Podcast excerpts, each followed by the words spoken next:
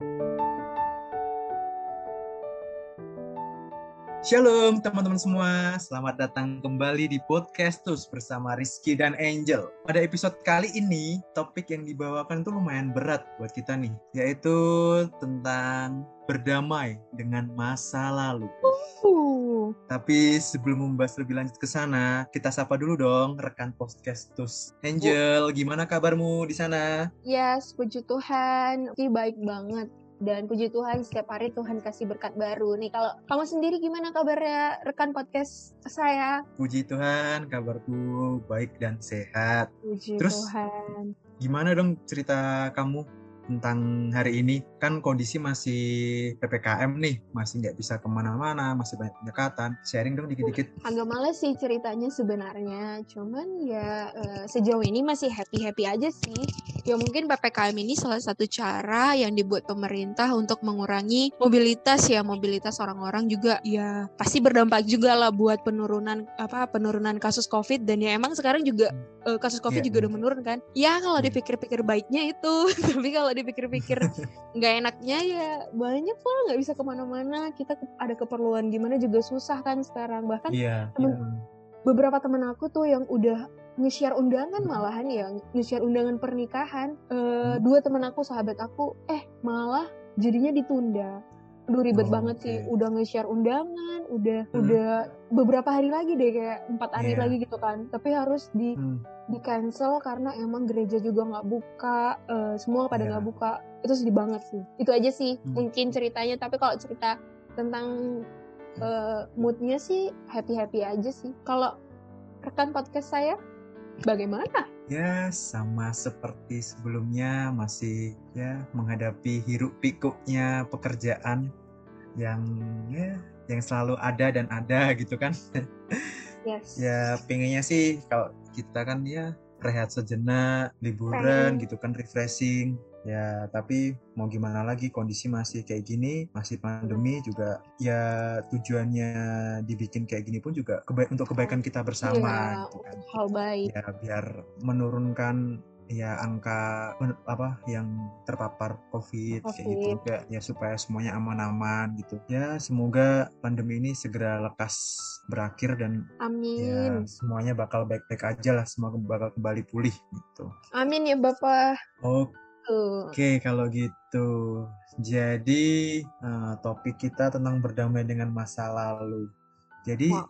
sebenarnya tuh apa ya berdamai dengan masa lalu tuh mungkin bisa dibilang tentang adanya suatu beban ya atau adanya tentang kejadian peristiwa yang kita alami tentang kesakitan atau kepahitan yang itu nggak sehat buat kita. Dan terkadang masa lalu itu itu merupakan masa sulit buat kita dan tanpa kita sadari kita itu membawa kebiasaan yang buruk itu dari masa lalu itu. Karena efek dari masa lalu itu ya salah satu contohnya kita jadi takut terus kita gampang curiga sama orang kita lebih sensitif lebih gampang marah insecure dan dan kadang pun ngerasa apa ya nggak nyaman nggak tenang gitu loh dan was-was. Jadi ya banyak di antara kita itu yang nggak bisa bergerak ke mana-mana karena ya kita belum berdamai dengan rasa pahit atau rasa sulit itu. Dan sering kali pun kita masih teringat kepada rasa kecewaan ya kan? Kadang tuh ekspektasi kita terlalu tinggi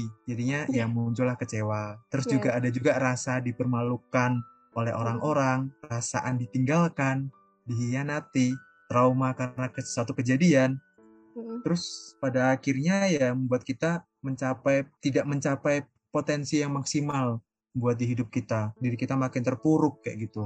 Iya. ya mungkin kalau boleh sharing sedikit sih ya tentang pengalaman gitu kan. Ya mungkin dulu eh, apa namanya ya aku ingin mem- membangun suatu hubungan yang dekat gitu kan sama orang lain gitu. Eh, supaya apa namanya itu nggak dikecewain. Tapi ujung-ujungnya pun juga ya ada juga yang ngecewain gitu kan. Yang mungkin bisa dibilang ya dari pasangan ataupun dari teman terdekat kayak gitu. Ya jadinya itu mungkin efeknya adalah sedikit trauma buat uh, apa namanya lebih intim ke orang lain gitu. Untuk membukakan diri ke orang lain. Jadi lebih ngerasa was-was terus ngerasa nggak percayaan sama orang kayak gitu sih. Terus apa namanya uh, kayak bikin sekat atau ada tembok besar gitu kan supaya biar biar nggak apa namanya nggak terlalu dekat lah sama dengan orang lain kayak gitu. Wow. itu sih dari aku. Wow. nggak dari Angel sendiri gimana? Kayak udah mewakili banget sih menurut aku ya. Emang masa lalu tuh ya kalau kita bicara masa lalu kan artinya masa atau hal yang terjadi itu di lampau ya. Tiga jam lalu juga masa lalu kan. Ada yang baik yeah. ada yang buruk. Memang sih. Hmm. kayaknya semua ngerasain sih kalau masa lalu yang buruk itu memang kadang kadang itu membuat kita uh, jadi ada tembok gitu. Jadi takut untuk melakukan hal ini. Jadi kayak wah kalau aku lakukan ini ntar kayak kemarin kalau aku lakukan ini eh ntar kayak kemarin nah kayak gitu sih menurut aku kayak masa yeah. lalu itu sebenarnya bener kayak yang dibilang kita tadi itu bener-bener bisa mm. pengaruhi kita kali gitu kayak membuat kita gampang marah takut curiga insecure nggak percaya sama orang dan ya itu emang wajar sih kita sebagai manusiawi hmm. karena emang kita yeah. kadang kan ada yang bilang belajar dari masa lalu juga kan misalnya kayak hmm, kalau kita belajar dari masa lalu artinya hal yang terjadi di masa lalu dan kita udah tahu dampaknya gimana, berarti di ke depannya hmm. kita takut nih untuk ngejalaninya yeah. gitu. Kalau boleh hmm. sharing juga pasti kalau anak-anak muda pasti banyak uh, masa lalu yang buruk itu mungkin tentang pendidikan atau didikan orang yeah. tua ataupun hmm. tentang pacar atau pasangan ataupun dengan sahabat atau teman dekat. Itu hmm. biasanya masalah-masalah yang paling sering terjadi gitu di yeah. kehidupan kita anak muda ya gitu. Hmm, iya, terutama kan terutama kan didikan orang tua kadang hmm, beda-beda gitu kan. Iya benar. Ada mungkin yang uh, sebagai anak tunggal gitu ya mungkin di pikiran kita jadi manja gitu kan. Jadi jadi besarnya dia juga ada rasa ketergantungan, nggak hmm. punya rasa kepercayaan diri, sering minder kayak gitu. Ada juga yang walaupun dia anak tunggal tapi dari kecil udah dididik buat dia berani mau berusaha punya ambisi gitu. Terus juga rasa kekuatan pada dirinya itu juga muncul gitu. Ada juga keluarga yang ya kalau dari aku sendiri ya didikan keluarga aku emang keras gitu.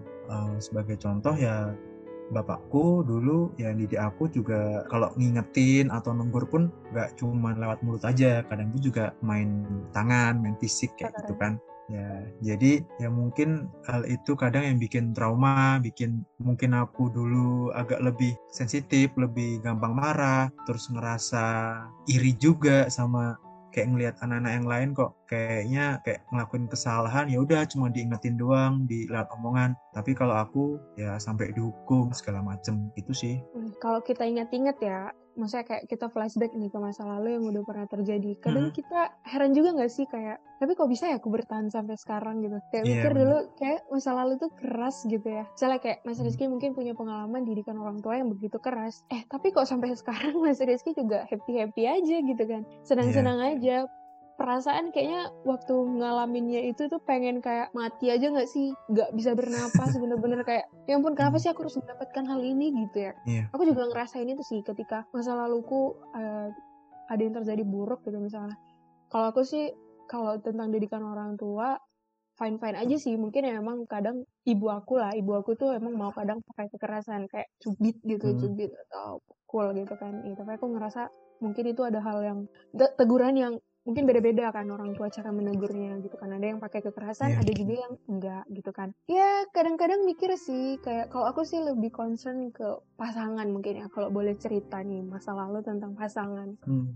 mungkin aku baru-baru okay. ini ngalamin patah hati yang uh, luar biasa nih teman-teman semoga dia denger hmm. sih Oke oke. Nah jadi karena pengalaman dengan dia ini seseorang ini yang buat aku jadi takut untuk buka hati ke depannya. Sebenarnya hmm. takutnya itu bukan apa-apa sih karena kita udah ngalamin kayak mungkin ya dulu itu di circle aku pacaran itu kayak aku udah nyerahin diri aku kayak aku udah nyerahkan ke seseorang ini seutuhnya gitu maksudnya kayak apa pun akan aku korbankan gitu kan.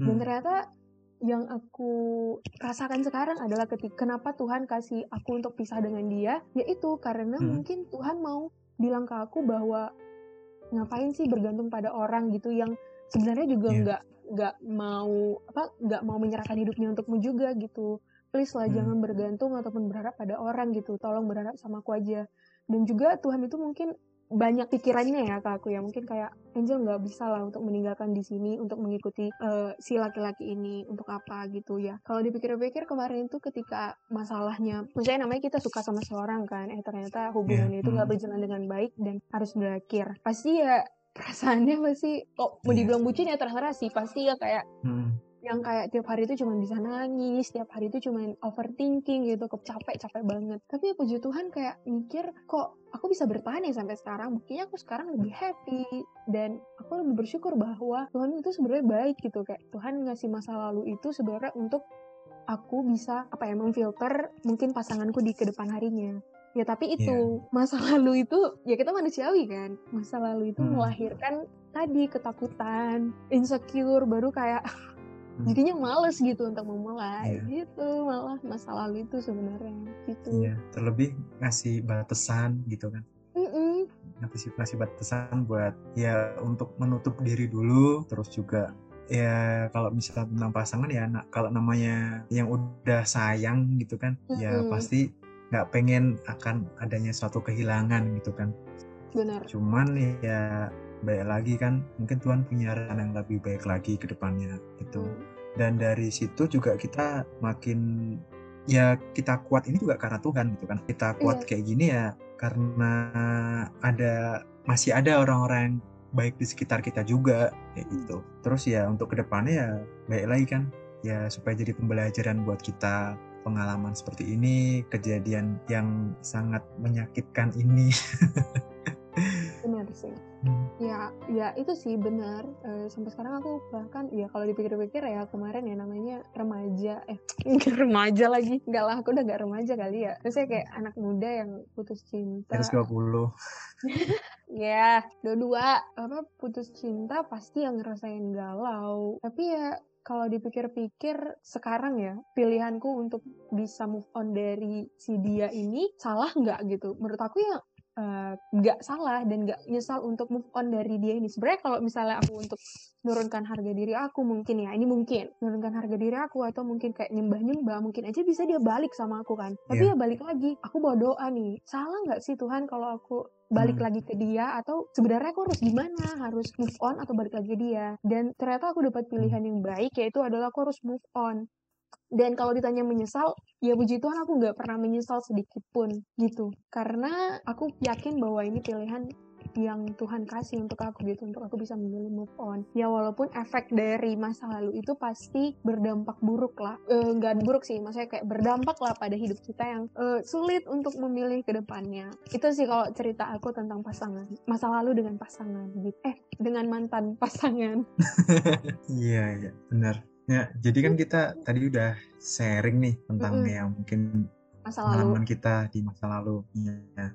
Terus kan kita juga pasti melewati masa lalu itu seperti yang lalu itu tuh kayak gimana supaya kita tuh bisa kuat, bisa bertahan yeah. sampai dengan sekarang ini. Ya kalau dari aku yang udah aku lakuin yang pertama pasti coba untuk berpikiran positif gitu kan. Ya semisal tadi aku tentang berpikiran tentang ya didikan dari orang tua aku yang main tangan gitu kan.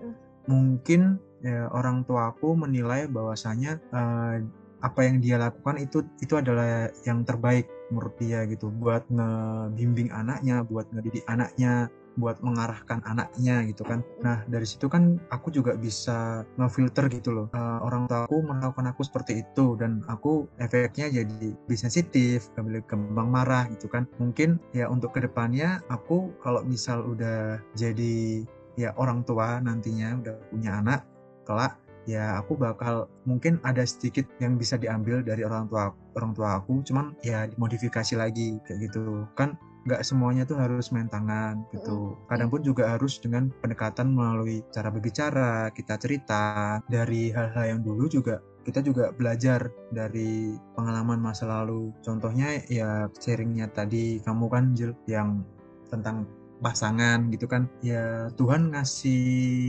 pilihan gitu kan buat ya kamu mau lanjut sama dia tetap ibaratnya kayak ngemis-ngemis cintanya dia atau ya udah mencoba untuk move on dan jalani hidup kamu. Ya tapi kamu lebih memilih ya menjalani hidup kamu ya itu it's okay itu bagus. Karena kalau bisa dibilang sih kamu yang sekarang bahagia dan benar-benar bahagia itu bakal nyingsarin mantan kamu gitu sih. Jadi kamu bahagia itu bakal nyesarin mantan kamu gitu. Tapi kalau kamu sedih terus kamu ngerasa terkurung kamu masih kayak galau itu malah kayak mantan kamu kayak ngerasa jumawa gitu kayak sombong gitu loh. Oh, kayaknya berkesan banget gitu. Hmm, nah kayak gitu. terus Mungkin, juga uh, bisa kita untuk lebih belajar lagi mengekspresikan rasa sakit kita ya dengan menceritakan kepada orang yang mungkin bisa kita percaya gitu. Termasuk ya bisa orang tua atau mungkin teman kita sahabat kita gitu. Ataupun melalui persekutuan atau komunitas seperti kalau kita kan ya anak muda Kristiani pasti kan sering ikut yang namanya komsel kan komunitas sel. Jadi ya di situ kita berdoa bersama bersekutu bersama memuliakan Tuhan kita juga sharing tentang pengalaman kita kita juga dapat nasihat di situ.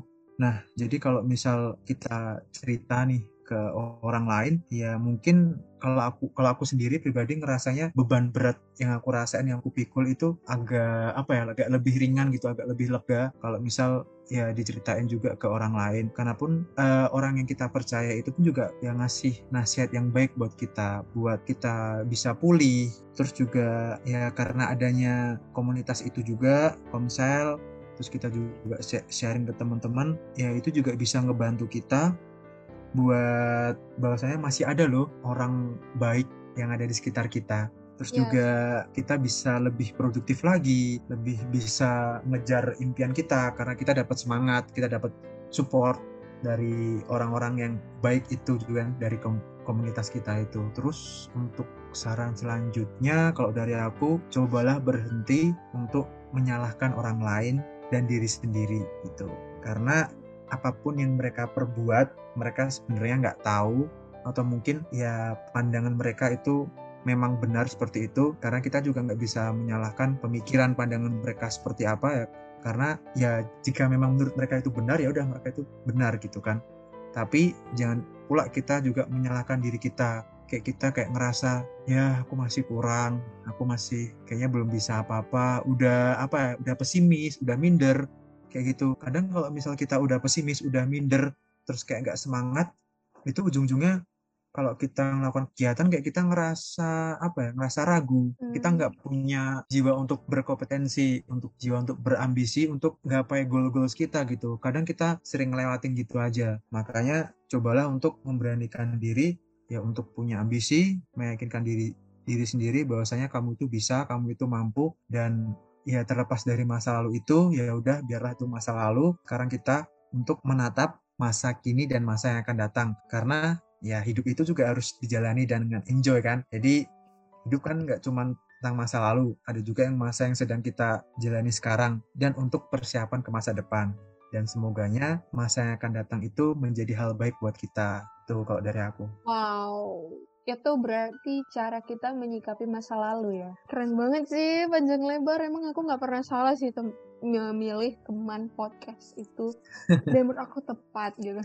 Ya kalau aku sih amin, amin setuju setuju dengan Mas Rizky ya mungkin dari aku kalau hmm. cara menyikapi masa lalu itu kayak ya mungkin kelihatannya sekarang itu ya kita nggak bisa ngeliat apa apa gitu kan ngeblur gitu maksudnya kayak masa depan kita juga nggak tahu nih gimana maksudnya yeah. kita misal kalau aku misal kalau aku kayak putus dari putus dari pacar pacar aku yang lama ini lah terus kamu hmm. harus pacarnya gimana lagi umur udah berapa mungkin tekanan dari orang gimana gitu kan ya mungkin pandangan yeah. kita blur gitu maksudnya kayak nggak tahu nih ke depannya gimana cuman ya kalau kita percaya aja sama Tuhan Tuhan Tuhan yang selalu menolong, menolong kita dia nggak akan pernah meninggalkan kita gitu kan ya kalau kita terus menoleh ke belakang ya nggak ada akan maju bisa maju ke depan gitu jadi so iya, buat bener, apa so buat apa kita uh, menoleh ke belakang terus gitu kan yuk lihat ke hmm. depan hmm. udah berapa orang mungkin yang sudah menanti kita di depan gitu misalnya kalau cerita hmm. tentang pasangan gitu kan kita nggak tahu nih mungkin ada beberapa orang yang sudah menanti kita di depan untuk bisa menjadi hmm. pasangan hmm. kita ke depannya gitu so mari kita untuk jangan habiskan waktu untuk terus selalu mengingat masa lalu yang udah memberi kita luka gitu. Kita tuh mahal tau, kita itu kayak lebih dari berlian. Toh di firman Tuhan hmm. juga bilang kalau kita itu berharga gitu loh di mata dia. Iya benar. Hmm. Mungkin di masa lalu kita berkali-kali jatuh, berkali-kali patah hati, mungkin sembuh juga, mungkin patah hati lagi, mungkin sembuh Iya. lagi gitu kan. Tapi ya kalau kita jangan cepat menyerah dan kita optimis, ya optimis bahwa perjalanan hidup kita itu sebenarnya masih panjang, masih panjang banget. Dan benar, benar. mari eh, mari kita ingat bahwa eh kemarin kita juga pernah sempat putus gitu dari seseorang. Eh terus kita sembuh, eh terus kita pacaran, eh terus kita putus lagi. Berarti artinya Hmm, patah hati, sakit itu bisa sembuh gitu. Ya nggak sih? ya, hmm, Masa benar, benar. Hmm, luka itu sebenarnya bisa sembuh gitu ya. Ingat aja kita dulu juga sebelum pacaran sama ini, pacaran dengan sebelumnya, maksudnya kayak mungkin Mas Rizky kayak pun- dapat kekerasan dari orang tua, ya sembuh Hmm. juga kan pada akhirnya. Mungkin ada Iya. hal baik dari orang tuanya yang bisa menyembuhkan sakit sakitnya dari kekerasan itu gitu. Mungkin Hmm. di diberi kekerasan lagi, eh habis itu sembuh lagi dan semuanya itu pasti akan sembuh gitu ya. Percaya aja bahwa semua akan baik-baik aja sih. Mungkin itu Hmm. dari aku kalau kita bagaimana menyikapi menyikapi masa lalu gitu ya. Masa lalu emang nggak pernah bisa diubah, tapi masa depan bisa diubah. Hmm, karena ya masa lalu itu juga yang ngebentuk ki- kita kan. Cuman sikap-sikap buruk atau perilaku yang buruk itu juga jangan diikut sertakan juga gitu. Ya. Ya kayak rasa patah hati, rasa galau, rasa apa ya, gampang marah, sensitif itu mengka- memang itu terjadi di masa lalu. Cuman untuk masa yang sekarang kan ngebentuk kita buat kita lebih belajar lagi supaya kita lebih dewasa lagi untuk menyikapi segala sesuatunya. Dan kita juga harus percaya juga dong sama Tuhan ya kan. Karena Yes, paling penting. Tuhan udah ngerencanain sesuatu buat kita gitu. Jadi jangan sia-siakan kesempatan buat ya nengok ke belakang terus, ya mikirin ke belakang terus. Boleh nengok atau mikir ke belakang, tapi jangan keseringan gitu. Hmm, Ya nengok ke belakang buat nge-review gitu, mengevaluasi asik. diri. ya kayak ini Atau kayak kita mungkin bisa dibilang introspeksi lah. Oh, kayak kita Iya. bawa mobil nggak sih? Ya kita pasti Hmm. nengok spion sekali-sekali kan. Misalnya eh sekali Iya. untuk lihat di belakang Hmm. ada nggak yang bakal dorong kita. Ya nabrak kan gitu kan. Iya, tapi kan kita sebenarnya lebih fokus 85% Ke atau depan. 90% fokus tuh ke depan gitu. Yes. Emang pembahasannya luar biasa banget sih. Emang kalau cerita tentang masa lalu ini ya kayak tadi yang kamu bilang openingnya ya berat karena yang emang Hmm. orang tuh beda-beda tahu cara menanggapi masa lalu ini. Ada yang dia tenggelam dari Hmm. tenggelam di masa lalu yang bisa membuat dia hancur malah. Ada yang bisa bangkit. Jadi ya kita anak-anak muda so lebih baik pilih yang mau bangkit kali. Kita punya Tuhan yang luar Hmm. biasa kan. Ya kalau masalah-masalah ya pasti akan ada. Besok juga kita nggak tahu nih masalah apa yang akan terjadi di hidup kita. Tapi ya itu bakal jadi masa lalu juga. Jadi pembelajaran Iya. juga buat kita. Ya namanya kita manusia kan masih hidup. Ya kalau orang masih hidup berarti kan masih punya masalah, ya kan. Ya. Kalau udah meninggal udah nggak ada, kan udah nggak ada masalahnya gitu. Ya udah istirahat dengan tenang kan. Nah istilahnya Bener. istirahat dengan tenang kayak gitu. Jadi Kayaknya- selama kita masih hidup Hmm. ya udah kita apa selesaiin masalah itu kita bangkit lagi jika jatuh bangkit lagi bangkit lagi dan tetap serahkan dan percayakan pada Tuhan selalu Yes, amin. Uh, luar biasa banget sih. Kayak apa sih? Ya hidup dan masalah itu udah sepaket sih. Nggak bisa ditawar-tawar. Ya kalau hidup pasti Iya. ada masalah. Kalau ada masalah pasti kita hidup. iya benar Tapi tenang aja, kita punya Yesus penyelamat. Iya, contohnya dari kecil kita kan sekolah udah dikasih apa namanya ujian, tes segala macem. Nah itu kan juga Hmm. jadi suatu masalah buat kita kan. Bener, bener, Uh, bener. contohnya kita nih di kelas 1 SD gitu kan, kita Hmm. tes ujian kalau misal kita nggak lulus ya kita nggak nggak naik kelas gitu kan. Yes. Sama bener. halnya kayak kita dapat suatu masalah, terus Hmm. kita ya udah terpuruk aja di situ di masalah itu. Kita cuman stuck, kita nggak coba bangkit, kita nggak coba nyelesain, kita malah diem aja. Ya udah, kita semakin terpuruk dan terpuruk. Jadinya depresi, stres segala macam. Nah, tapi kalau misal kita bangkit, kita semangat buat nyelesainnya, ya udah berarti kita naik dong ke level selanjutnya. Karena eh, yang namanya ujian dari atau cobaan dari Tuhan itu pasti ya apa ya? Untuk anak-anaknya itu pasti nggak bakal berat-berat gitu loh, pasti bakal dibantu. Iya benar. Gitu. Nggak Entah melampaui seberat batas apa pun kita. itu. Iya, benar. Tuhan kasih cobaan, Tuhan kasih juga penyelesaian. Itu yang harus kita tahu sih. Sepaket tuh, masalah dan penyelesaian. Wah, keren banget sih pembahasan kita hari ini. Emang-emang berdamai dengan masa lalu itu emang berat. Cuman Hmm. ya, le- marilah pikir-pikir sampai sekarang bahwa kita masih bisa ngelewati semuanya kan. Ya emang kalau Iya. dipikir-pikir, kalau flashback ya pasti, "Wih, gila ya ternyata aku bisa ngelewatin itu ya. Kayak gitu sih, Hmm. pasti. Iya.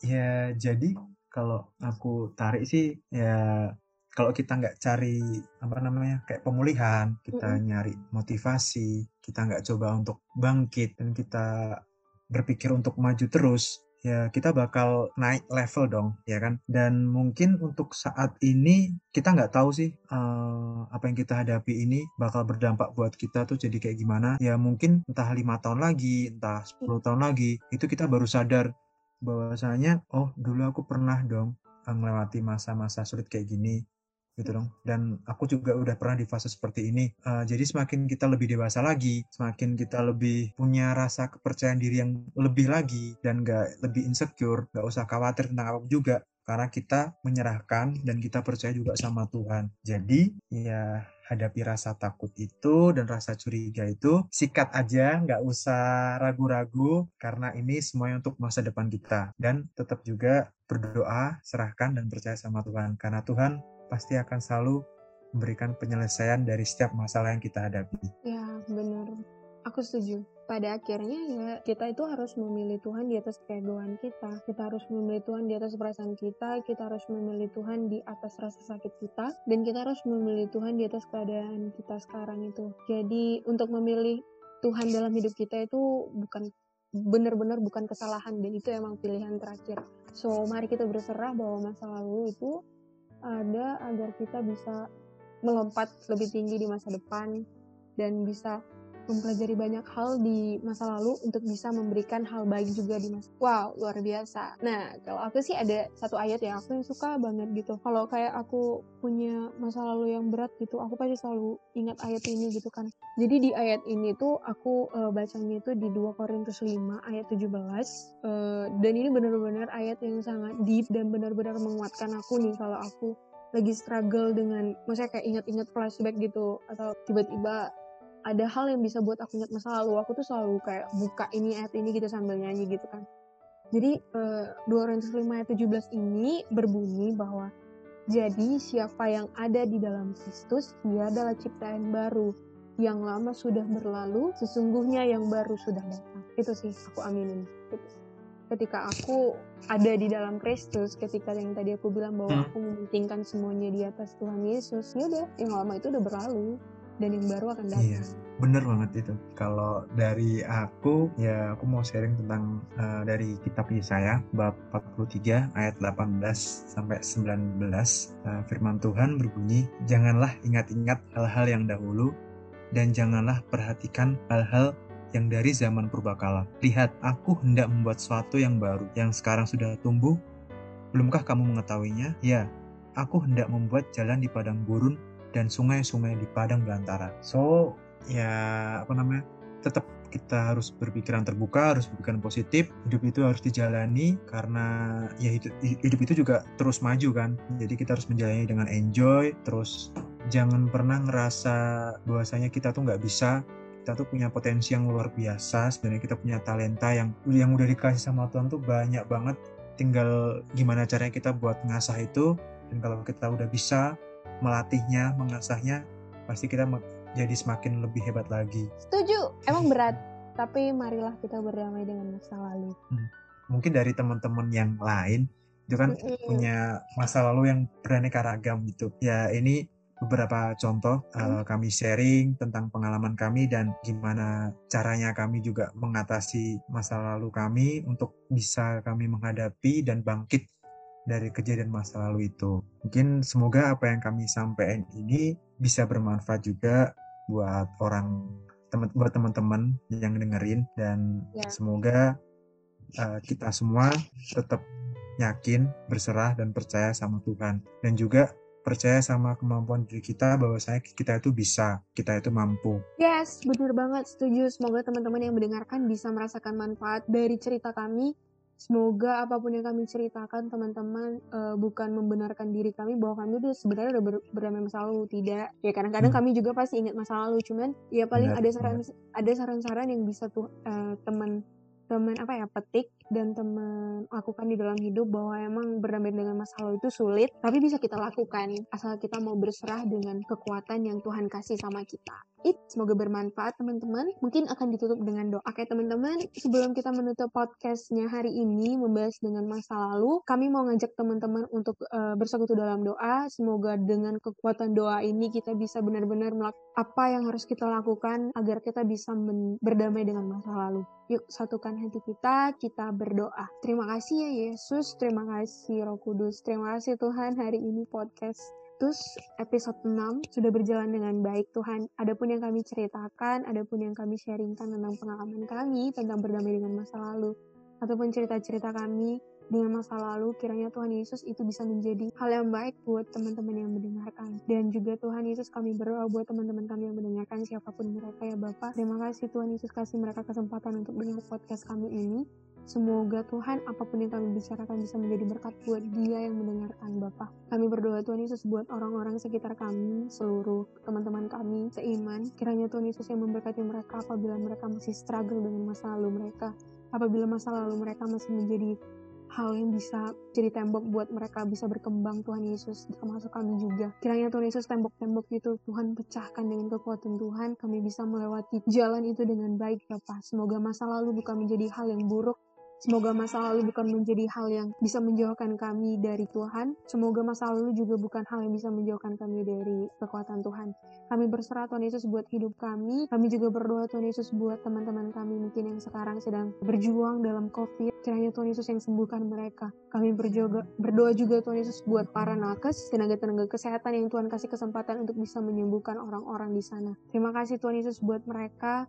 Berkati mereka selalu, berkati keluarga mereka selalu. Kami juga berdoa buat keluarga kami, Bapak. Kiranya Engkau memberkati keluarga kami sekitar. Terima kasih ya Bapak. Ajar kami selalu untuk bisa menjadi anak-anak Tuhan yang sangat baik setiap harinya. Dan bisa menjadi berkat buat banyak orang. Terima kasih Bapak berkati podcast ini. Di dalam nama anakmu kami berdoa dan mengucap syukur. Amin. Amin. Berarti akhir kata nih udah di penghujung acara kita. penghujung ya sesi sharing kita di episode ke-6 ini uh, kami sampaikan juga ke teman-teman terima kasih buat teman-teman yang udah tetap setia dengerin kami sampai yeah. dengan episode ke-6 ini ya jadi jangan pernah bosen buat menunggu untuk episode-episode podcast terus selanjutnya jadi ya dari kami tetap semangat untuk menjalani yeah. hidup dan tetap selalu juga andalkan Tuhan di segala kejadian dan peristiwa yang sedang dan kalian alami. Oke, terima kasih okay. buat teman-teman semua. Oke, sampai jumpa di episode selanjutnya. Yes, Tuhan Yesus memberkati. Stay safe, stay healthy, and keep fit. Shalom. Shalom. Dadah.